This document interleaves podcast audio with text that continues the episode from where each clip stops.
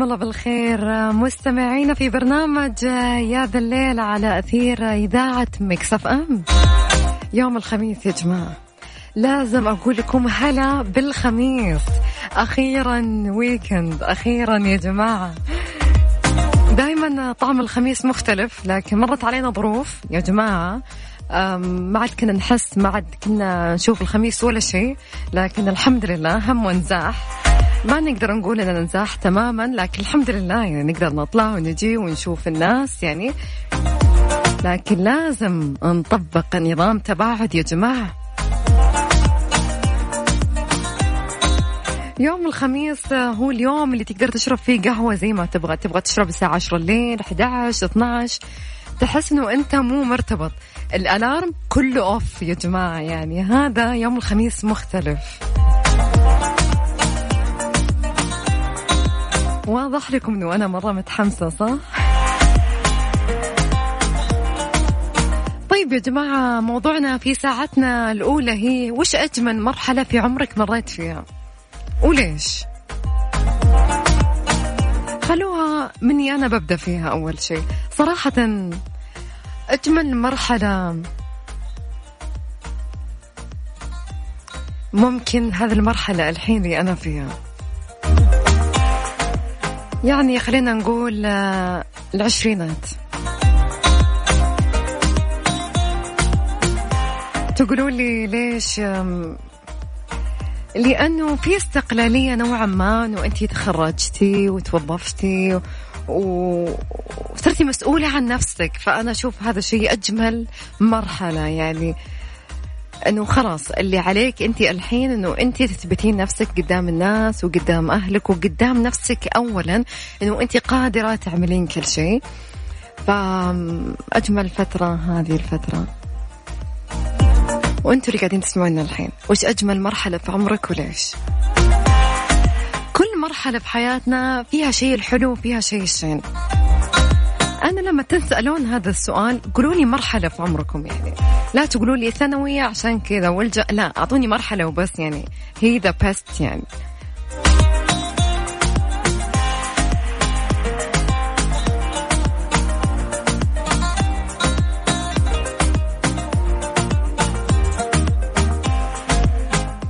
في واحدة كاتبة إنه أحلى مرحلة ولادتي بطفلي الأول بعدين الثاني الحمد لله على سلامتك. ما أعرف إذا هذا الكلام جديد ولا لا لكن الحمد لله على سلامتك والله يخليهم لك يا رب.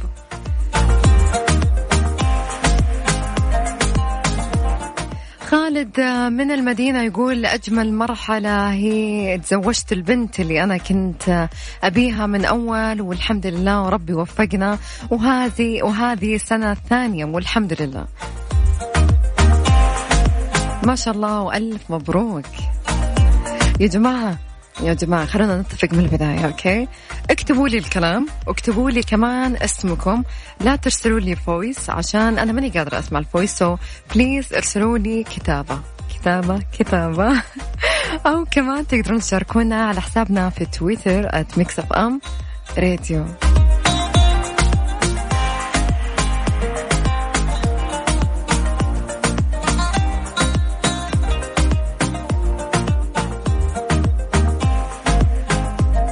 يا جماعة يا جماعة أنتوا اليوم شكلكم حابيني بزيادة وش صاير؟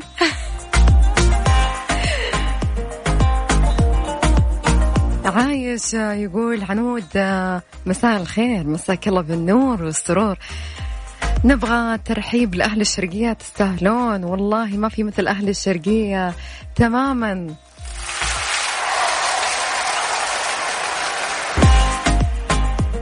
أهل الشرقية هو في مثلهم أصلا؟ يقول أجمل مرحلة يوم سمعت صوتك والله شكرا يعني شكرا صدق يعني أخجلتني صدق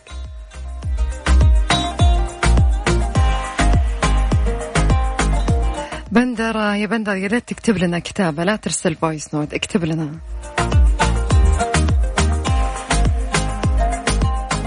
وكذا ممكن. تقول داليا كذا ممكن؟ والله ممكن. ليش مو ممكن؟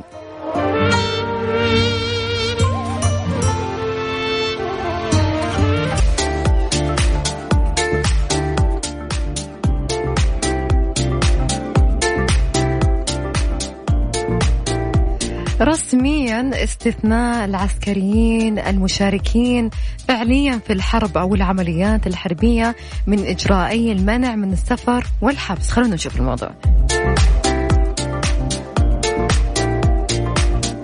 أعلنت الجريدة الرسمية أم القرى أن عدد يتضمن تفاصيل وضوابط قرار استثناء العسكريين المشاركين فعليا في الحرب أو العمليات الحربية من إجراءي المنع من السفر والحبس.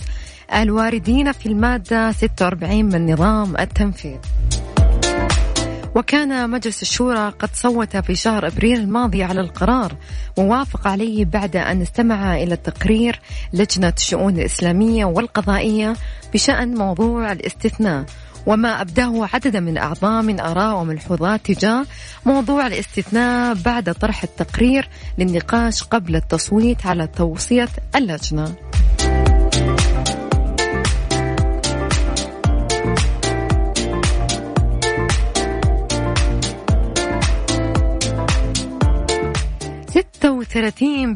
نسبة إشغال فنادق الوجهات السياحية في صيف السعودية. أعلن مدير عام مركز المعلومات والأبحاث السياحية أن نسبة الانشغال في الفنادق والشقق المفروشة في الوجهات السياحية بلغت 36% خلال الأسبوعين الأولين من موسم صيف السعودية. وأوضح خلال حديثه اليوم خلال المؤتمر الصحفي لوزارة الصحة حول مستجدات كورونا أن هذه النسبة غير مستغربة في الوقت الحالي نظرا لأنها مرحلة البداية للعودة للحياة الطبيعية الجديدة وتعكس تفاعل المواطنين والمقيمين مع توجيهات العودة بحذر. وكشف عن ارتفاع ملحوظ جدا في نسب الإشغال بمنطقتي عسير والباحة تصل 80% ما شاء الله وأكثر. مبينا أن ذلك يعكس رغبة السياح في التمتع بالأجواء الجميلة في المنطقتين. ودعا الجميع إلى التخطيط المبكر للرحلات السياحية سواء من خلال اختيار الباقات المتاحة على تطبيق روح السعودية تطبيق هذا. اسمه روح السعودية تقول تحملونه على ال App Store أو Google Play أو من يرغبون في التخطيط بأنفسهم من أجل الحصول على السكن المناسب من حيث السعر والجودة.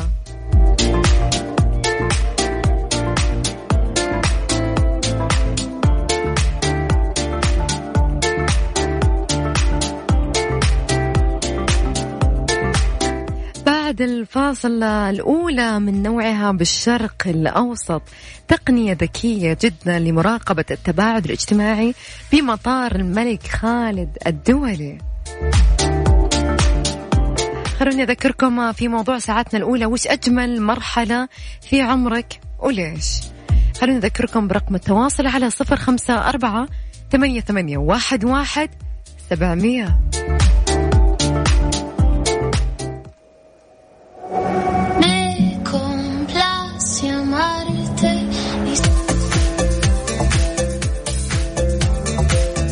دشنت شركة مطارات الرياض مشروع استخدام تقنية التحليل التفاعلي لمراقبة التباعد الاجتماعي في مطار الملك خالد الدولي بالرياض كأول مطار في منطقة الشرق الأوسط تطبق فيه هذه التقنية.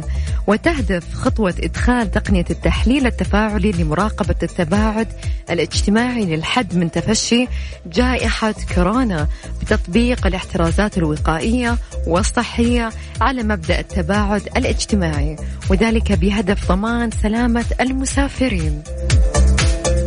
وأوضح مطارات الرياض أن تطبيق هذه التقنية الذكية بمطارات الملك خالد الدولي بالرياض بدأ تدريجيا من الصالة الداخلية رقم خمسة وهي تقوم على استخدام الذكاء الاصطناعي لمراقبة التباعد الاجتماعي وتتبع المسافات بين المسافرين وتحديد مواقع الازدحام وإطلاق تنبيهات فورية للفرق التشغيلية.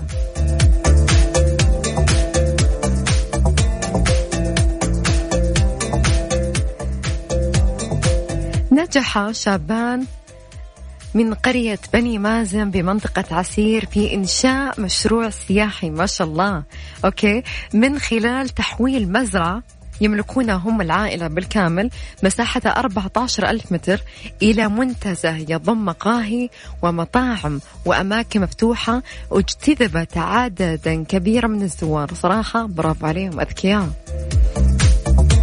وقال الشابان محمد و محمد بن رفدان محمد المازني في لقاء في أحد البرامج أن المزرعة كانت قديمة وشبه مهملة وإنهما أحبا أن يستثمرا هذا المشروع السياحي وتمكنا من إقناع باقي أفراد العائلة. وأضاف أنهم بدأوا بإنشاط بإنشاء عفوا مقهى بسيط في صيف عام 1439 ووجدوا إقبالا كبيرا وبعدها بدأوا في التوسع وإنشاء المزيد من المقاهي والمطاعم في هذه المنطقة الخاصة فيهم. وبينوا أن الكثير من الأشخاص يعملون في المشروع وهناك أسر منتجة تقوم بصنع الحلويات والمواد الغذائية التي تقدم للزوار وإنهما يتطلعان المزيد لدعم السياحة للسعودية. والله برافو ما شاء الله يعني جد جد. يستاهلون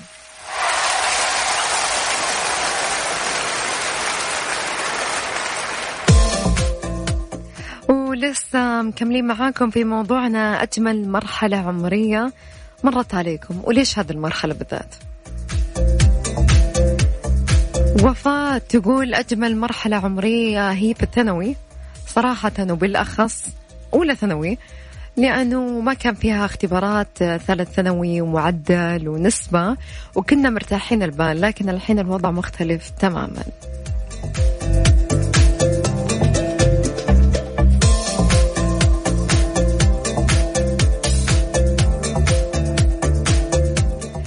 خلونا نطلع نسمع ماجد المهندس. سولف لنا مع العنود وعبد الله الفريدي في يا ذا الليل على Mix FM Mix FM it's all in the mix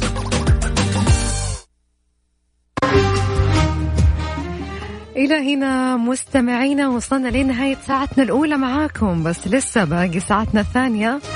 يوم الخميس مختلف. وعندنا معلومات وأخبار جديدة. خليكم معانا مع حلقة اليوم اللي هو outline راح نختم ساعتنا الأولى بشرطان الذهب.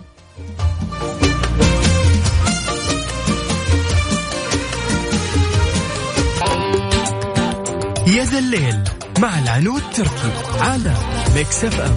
هي كلها في ال mix.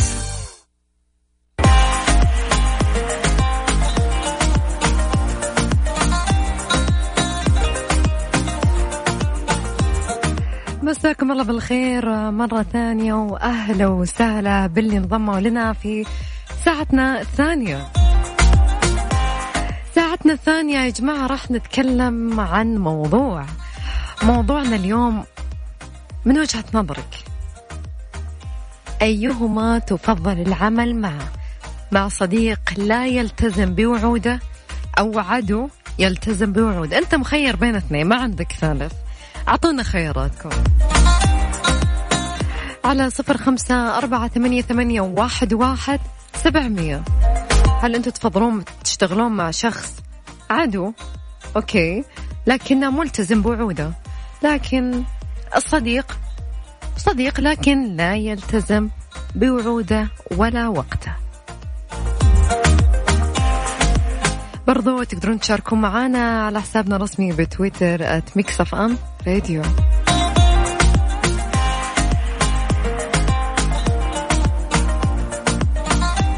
أصدر وزير الثقافة الأمير بدر بن عبد الله بن فرحان قرارا بتعيين دينا أمير رئيسا تنفيذيا لهيئة الفنون البصرية التي ستكون مسؤولة عن تنفيذ رؤية الوزارة تجاه قطاع الفنون البصرية ودعم وتمكين العاملين في هذا المجال.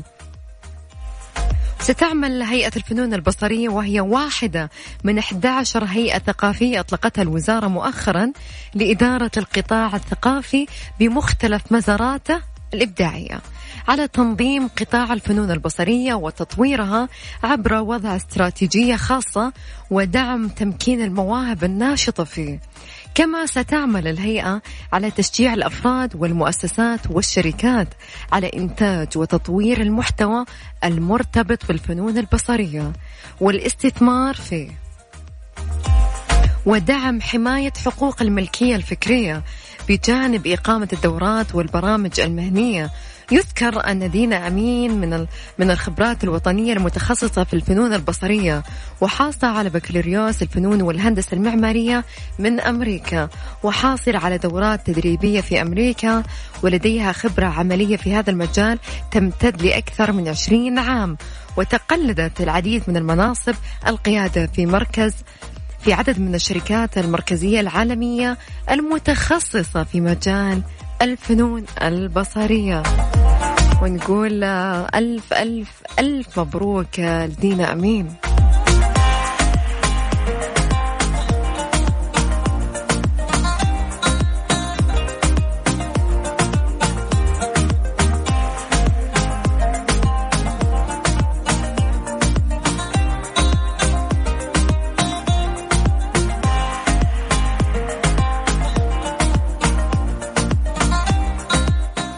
الشورى يناقش تعديل نظام مكافحة التحرش ونظام لمكافحة الطلاق والعنوسة في جلسته القادمة.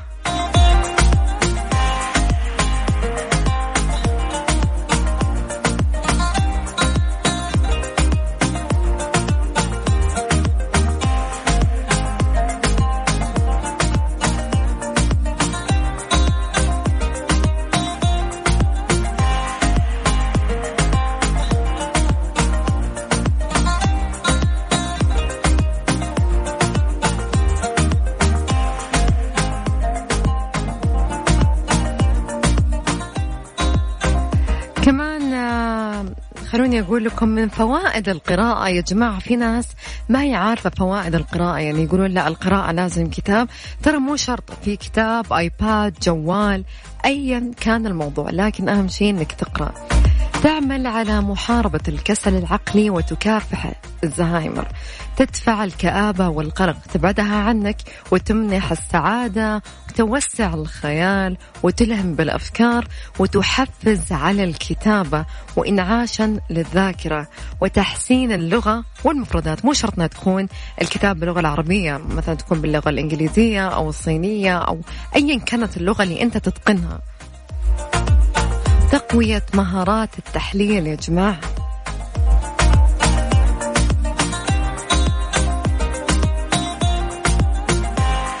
في صراحة برنامج يا جماعة جميل جدا. برنامج يحول لك الكلام المكتوب بخط اليد إلى نص ممكن نسخة ولصقة البرنامج هذا اسمه Pen to Print تلاقونه في ال App Store وكمان في Google Play خلونا نطلع فاصل قصير وبعدها مكملين معكم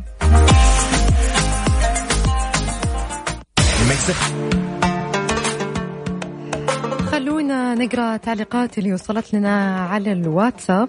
موضوعنا اليوم من وجهة نظرك وش تفضل العمل معاه صديق لا يلتزم بوعوده أو عدو يلتزم بوعوده؟ تخيلوا يا جماعة النسبة الأكثر هي عدو يلتزم بوعوده. 75% معقولة؟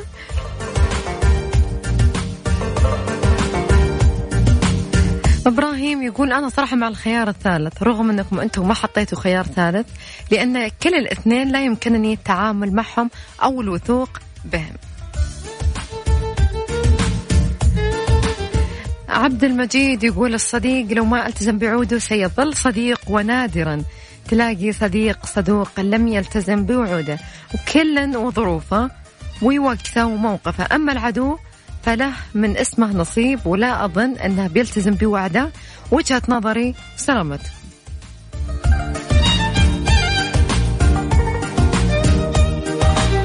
فريدة تقول عدم الالتزام بالمواعيد صفة ثابتة لا تتغير وهذا الشغل ما له دخل لا بصديق ولا بعده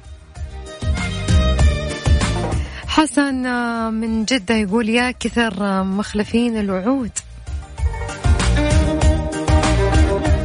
محمد يقول تصويت للخيار الثاني اللي هو عدو يلتزم بوعوده ولو إني أعتبرهم جميعا أعداء. أبو يزن يقول اختيار صعب جدا والكل قاتل الصديق الغير ملتزم والعدو كلاهما يصب في عمله واحدة. نسأل الله السلامة. نورة تقول بصراحة ما فهمت ولا شيء. جاري البحث. أوكي نورة خذي وقتك. هادي يقول كيف صديق يخلف بوعوده هذا ليس صديق.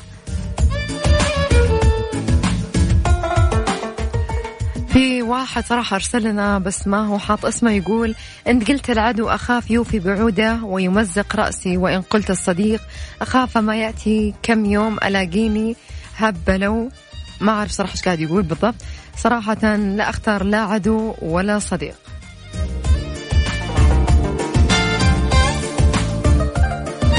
سالي تقول الصديق الوعد معه صعب إذا ما يتفق إذا هو ما هو صديق. العدو الوعد معه أرحم لكن يكون يهم الواحد حتى يتم إنجاز العمل.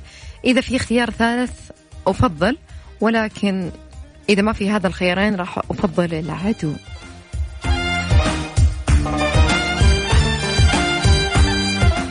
كريم يقول أكيد بختار الصديق عشان كل يوم أهزأه وأضحك عليه. لما يتعدل العدو بشتغل معه عشان بس أقهره. والحمد لله ما إحنا محصلين أساسا الاثنين.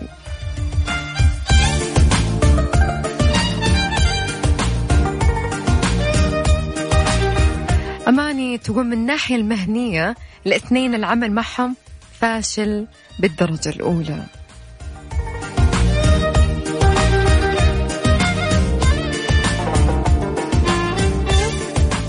علي يقول أفضل العمل لأجل العمل. داخل بيئتي دون اهتمام بصديق أو عدو.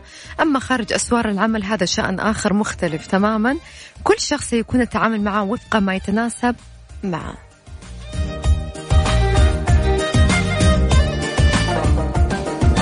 حيان يقول إذا ألتزم العدو بوعوده معي فأعتقد أنه ليس بعدو.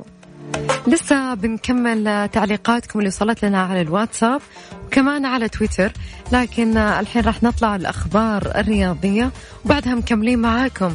خلوني أذكركم برقم التواصل على صفر خمسة أربعة ثمانية, ثمانية واحد, واحد سبعمية. تستمع إلى Mix FM outline مع العنود وعبد الله الفريدي في يا ذا الليل على Mix FM Mix FM it's all in the mix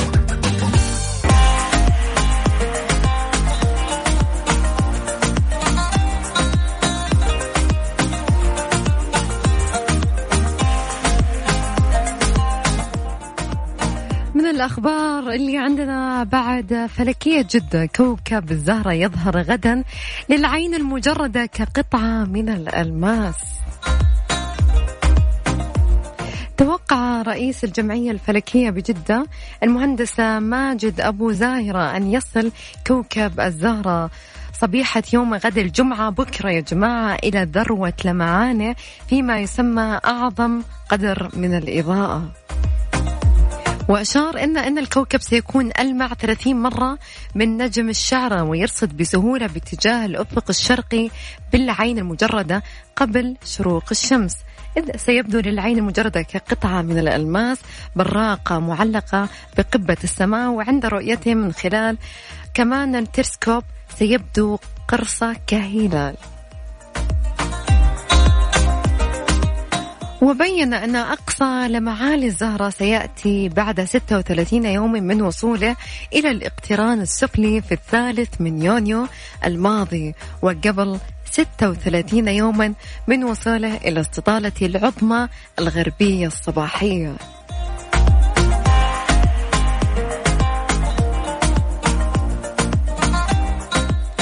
ولفت إلى أن كوكب الزهرة يكون في قمة لمعانه عندما يكون قرصه مضاء بنسبة 25% فقط بضوء الشمس وليس مضاء بالكامل والسبب أن الكوكب يكون أقرب إلى الأرض في ذلك الوقت. أهل جدة لا تفوتون هذا اليوم. بكرة قبل شروق الشمس.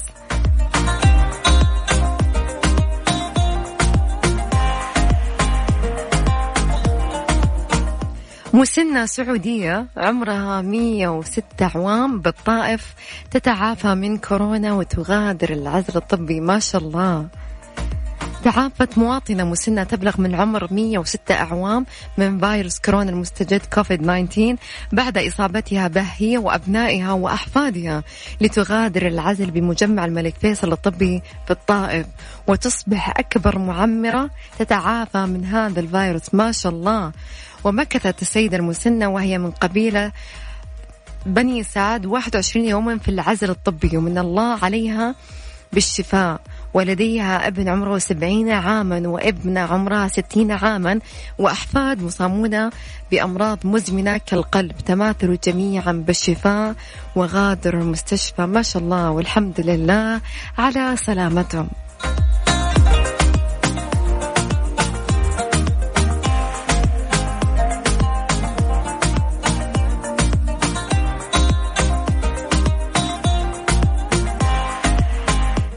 نبغى نعرف كيف نجح الملك عبد العزيز في إقناع أخته نورة بركوب الطائرة رغم خوفه منها.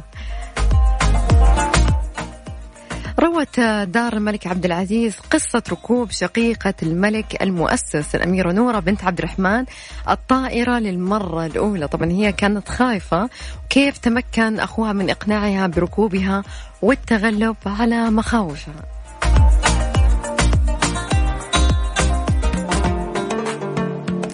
طبعا بدأت القصة حين أبدت الأميرة نورة رغبتها في أداء فريضة الحج برفقة عدد من نساء الأسرة الحاكمة ولم تكن ركبت الطيارة من قبل إطلاقا وكانت تعتمد في تنقلاتها على وسائل النقل البدائية كالجمل والخيول ثم السيارات. وعرض الملك عبد العزيز على أخته رحمهم الله الذهاب من نجد إلى الحجاز بالطائرة لكنها لم توافق حيث كان لديها تخوف كبير من ركوب الطائرة التي لم تركبها من قبل يعني. ففكر الملك في إقناعها بالركوب وإزالة مخاوفها. وذهب الملك المؤسس إلى الطائرة برفقة أخته وركبها بمفرده وطلب من قائدها التحليق بها فوق الرياض أمام أعين الأميرة نورة فزالت مخاوفة ووافقت على ركوب الطائرة.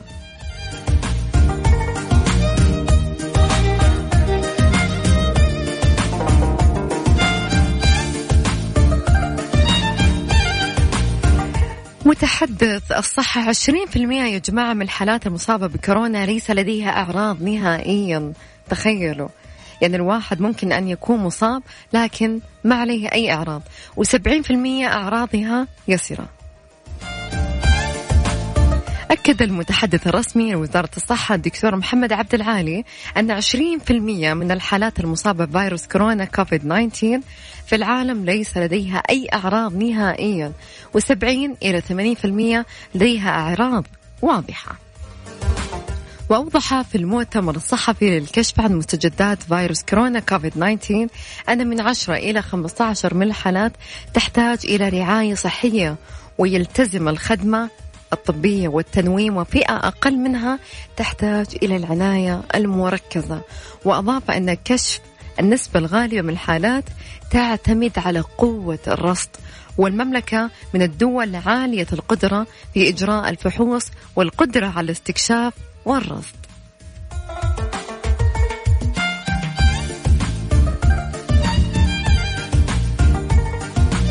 خلونا نطلع الآخر فاصل معانا وبعدها مكملين معكم خلينا نذكركم برقم تواصلنا على صفر خمسة أربعة ثمانية, ثمانية واحد, واحد سبعمية.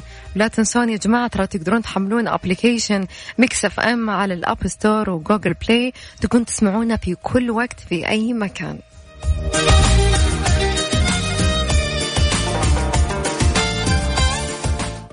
Mix FM it's all in the mix. يا ذا الليل مع العنود تركي على Mix FM هي كلها في ال mix. وآخر خبر معانا من مشرد بلا مأوى إلى صاحب أغلى شقة في برج خليفة. يا جماعة تخيلوا الخبر.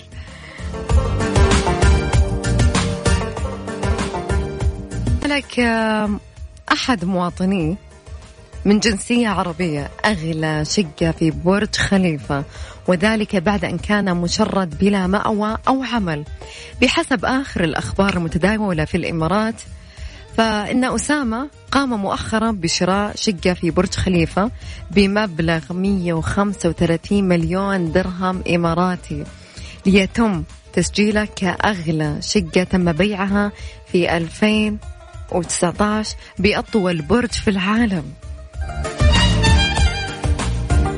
طبعا قال أحد الموجودين هناك أن قبل تسعة أعوام من الآن لك لم يكن يمتلك أي شيء حيث بدأت قصته عندما ترك زوجته وطفله الرضيع لم يتخطى عام ونصف في بلده حيث أتيحت له فرصة عمل في الإمارات بأحد سلاسل السوبر ماركت الشهيرة هناك. قضى ثلاث سنوات في العمل فيه ولكن تم اتهامه زورا بعد ذلك على حد قوله يعني في سرقة منتجات من المتجر حيث قامت الشركة التي تدير المتجر بفصله عن العمل وتم التحقيق معه وأثبت براءته وأخلت السلطات سبيله. طبعا هو حاول مرة ثانية أنه يرجع للعمل ولكن مدير الشركة رفض.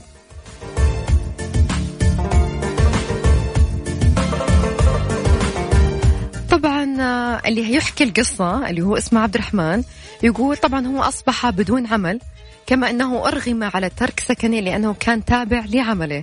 كان لديه فقط 9000 درهم. كان قد قام بتوفيرها من عمله حيث كان ينوي أن يشتري بهذا الأموال ألعاب لابنه وهاتف محمول لزوجته وأن يعود بالباقي إلى بلده في إجازته السنوية.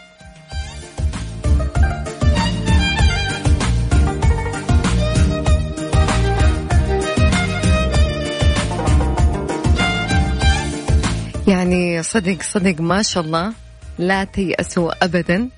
يعني ما تدري لعلها خير اللي قاعد يصير. لعل أن تكرهوا شيئا وهو خير لكم. يعني من مشرد إلى صاحب أغلى شقة.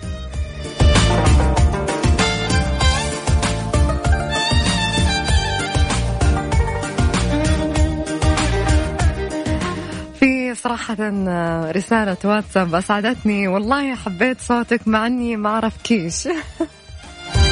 أكيد نمسي عليك بالخير يلي مو كاتب اسمك.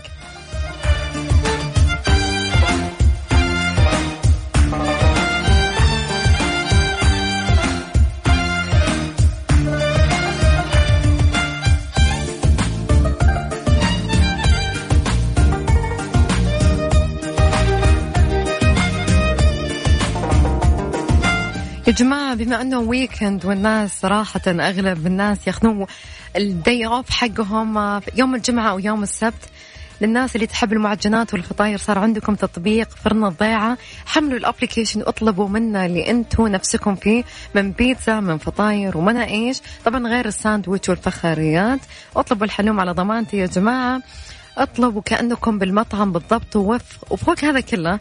راح يجيكم خصم 15% عند طلبك. استخدم كود الخصم الضيعة. اكتب الكود بالعربي. فرن الضيعة طعمها بعجينتها